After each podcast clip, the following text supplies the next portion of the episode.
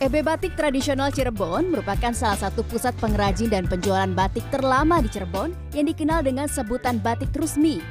Sebutan Batik Trusmi berawal dari peran Ki Gede Trusmi, salah seorang pengikut setia Sunan Gunung Jati yang mengajarkan seni membatik sembari menyebarkan agama Islam di desa Trusmi. Berlokasi di Jalan Panembahan Utara, Pleret Cirebon di daerah ini banyak dijumpai pengrajin dan toko batik khas Cirebonan. Daerah pusat perdagangan batik ini berjarak sekitar 3 km dari kota Cirebon. Sebelum pandemi COVID-19, pengunjung dari luar kota yang serius hendak berbelanja tidak perlu pusing untuk mencari lokasi. Karena toko-toko batik Trusmi ini biasanya menyediakan jasa jemput pelanggan di stasiun kereta api. Berbagai motif batik Cirebon tersedia di sini seperti motif topeng, lereng patra, lereng kembang, dan yang paling terkenal yaitu motif mega mendul. Motif-motif tersebut diterapkan tak hanya di baju, melainkan di topi, shawl, hingga aksesoris untuk laki-laki dan juga perempuan.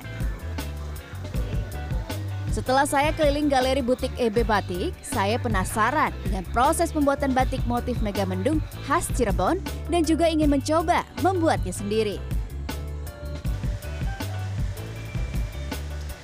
Salah satu ciri khas dari Cirebon adalah batik dengan motif mega mendung.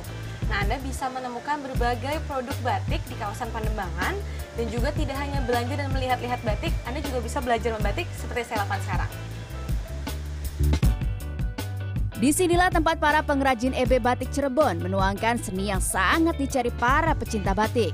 Step pertama dalam pembuatan batik tulis adalah nyungging, yaitu membuat pola di atas kertas yang dikerjakan oleh spesialis pola. Selanjutnya adalah japlak, yaitu memindahkan pola dari kertas ke kain yang dilakukan dengan dua pengrajin EB batik. Lalu ngelowong, pengrajin mulai melekatkan malam atau lilin sesuai dengan pola yang telah dibuat, lalu memberi isian pada ornamen tertentu seperti gambar bunga atau hewan, lalu memberikan warna pada bagian tertentu dengan kuas. Kemudian mopok, bagian ini adalah menutup bagian yang telah dicoret dengan malam. Lalu ngerentesi, yaitu memberikan titik pada kelowongan menggunakan canting dengan jarum yang tipis. Dan proses terakhir adalah melarutkan malam pada kain dengan memasukkan pada air mendidih, kemudian dianginkan sampai kering. Menurut Hisham Sulaiman, pengelola EB Batik Cirebon yang membedakan harga batik tulis dengan batik cetak atau cap adalah proses pembuatannya yang butuh ekstra kesabaran dan ketelitian. Proses pengerjaannya yang panjang dan rumit biasanya membutuhkan waktu berbulan-bulan sampai bertahun-tahun. Jadi kalau saya pribadi dan EB Batik sendiri itu sangat mem eh, memperbolehkan customer itu untuk lihat kenapa karena tidak banyak orang yang mengetahui cara membuat batik dan membuat batik itu sulit. Akhirnya kami lebih mengedukasi biar uh, customer juga tahu kalau walaupun tidak beli juga nggak apa-apa gitu. Yang penting kita memberi edukasi kepada orang bahwa membuat batiknya prosesnya seperti ini dari awal sampai akhir seperti ini tantangannya seperti apa jadi orang itu mengetahui dan lebih menghargai batik itu sendiri.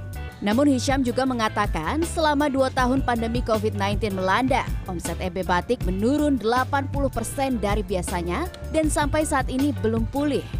Ia berharap pandemi segera berakhir agar para wisatawan kembali mengunjungi kawasan Cirebon dan mampir membeli batik di EB Batik tradisional.